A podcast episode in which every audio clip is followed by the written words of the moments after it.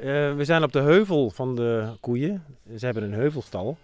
En die heuvel die hebben we zo gemaakt dat, eh, dat de koeien eigenlijk eh, de mest aftrappen naar beneden. En bovenop de lengte van de heuvel, daar strooien we stro op. En dat is hun lichtbed. Nu horen we heel zachtjes in de verte een beetje het, het geboel van de koe. Maar verder hoor je ze bijna niet. Hè? Ze maken een tevreden indruk.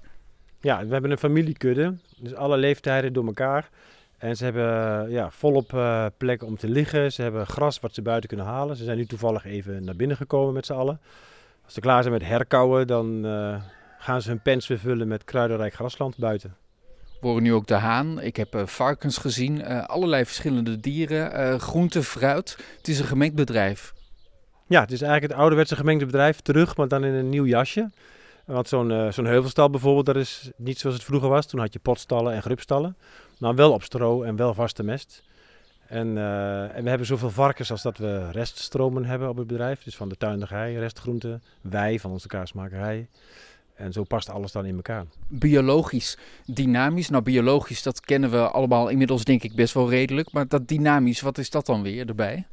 Ja, biodynamische boeren gaan een stapje verder op een aantal onderdelen. Qua bemesting hebben we een lagere bemesting per hectare nog. Um, en moet het ook uh, voor een belangrijk deel stroommest zijn.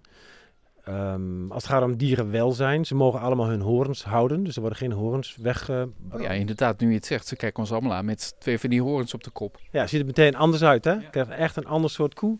En het is niet alleen maar in hoe, het, hoe het eruit ziet, maar ook in hun gedrag. Ze zijn echt veel meer expressief. En alle verschillende karakters komen veel meer, meer naar buiten. En ook het kuddegedrag, merken wij, is, uh, is duidelijker aanwezig. Dus samen eten, samen liggen. Meer nog dan dat koeien dat normaal uh, doen. En ik zie her en der een kalfje. Ja, kalf. Bij de kudde. Ja, kalfjes bij de koe. Dus de moeders die mogen hun kalveren drie maanden zogen. En daarna is de melk voor ons pas.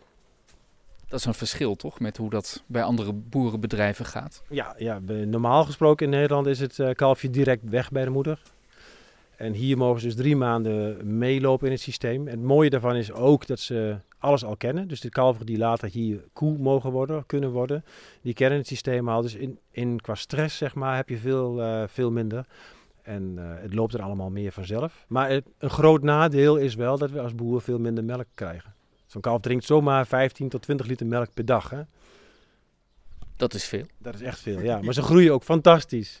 En uh, je hebt, we hebben eigenlijk nagenoeg geen zieke dieren meer daardoor ook. Dus de kalveren, kalverscheid kennen we niet. Dat is ook prettig. Ja. Afgelopen weken is er nou heel lang vergaderd om tot een landbouwakkoord te komen in Den Haag. Dat is niet gelukt. Wat, wat doet jou dat iets? Want jij bent een totaal ander soort boer dan de gemiddelde boer die ik in ieder geval ken. Ja, wij hebben als biodynamische boeren meegeschreven aan een groen boerenplan. En dat ook aangeboden aan de minister van uh, Stikstof en Landbouw. En eigenlijk ja, leven wij al voor wat een belangrijk deel van de maatschappij graag zou willen. En in dat plan hebben we ook beschreven hoe dat financieel zeg maar ook um, actief begeleid kan worden door de overheid. Want de grote bulk boeren, is hier enthousiast voor te krijgen? Ik denk dat als de begeleiding en vooral de financiële ondersteuning vanuit de overheid en andere organisaties er werkelijk zou zijn. En vanuit die hoek gevraagd zou worden, kom boeren, zullen we een mooi plan maken samen. En wij zorgen dat het financieel jullie beter zal gaan.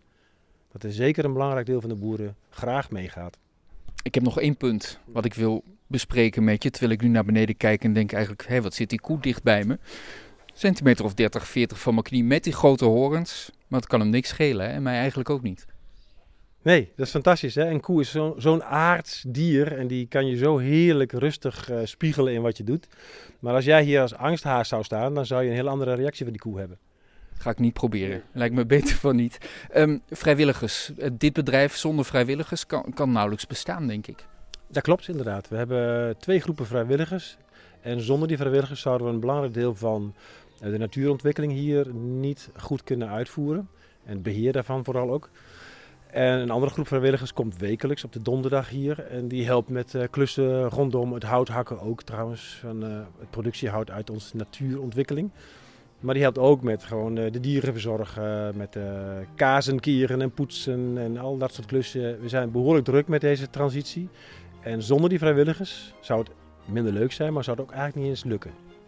Dan heb je toch die overheid weer nodig om met nog meer geld over de brug te komen. Ja, daar zouden ze, als er een betaling zou zijn voor groene en blauwe diensten, want dat is eigenlijk wat we doen. Hè. We leveren iets aan de maatschappij, schone lucht, schoon water, biodiversiteit.